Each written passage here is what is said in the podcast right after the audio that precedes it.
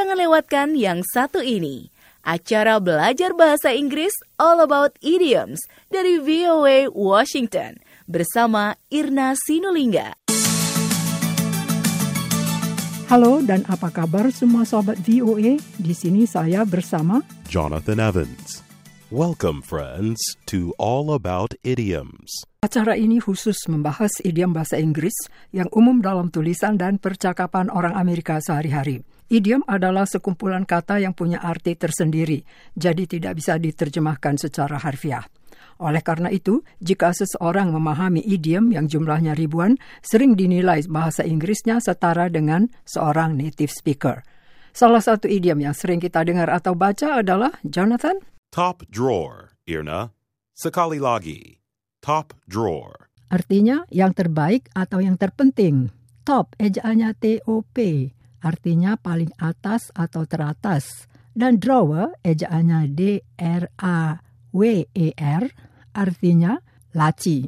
Jadi secara harfiah artinya laci paling atas. Frasa top drawer semula digunakan di kalangan bangsawan Inggris untuk menggambarkan taraf kedudukan seseorang dalam pergaulan kelas atas berdasarkan latar belakang mereka. Sekarang kita simak contoh idiom top drawer. Sure, our main competitor's jewelry is cheaper, but their goods look cheap. I wouldn't want my daughter to wear them. We only make top drawer merchandise that any woman would be proud to wear. Artinya, sudah pasti perhiasan yang dijual oleh saingan utama kami lebih murah. Tetapi barang yang mereka jual kelihatan murahan. Takkan saya kasih putri saya memakainya.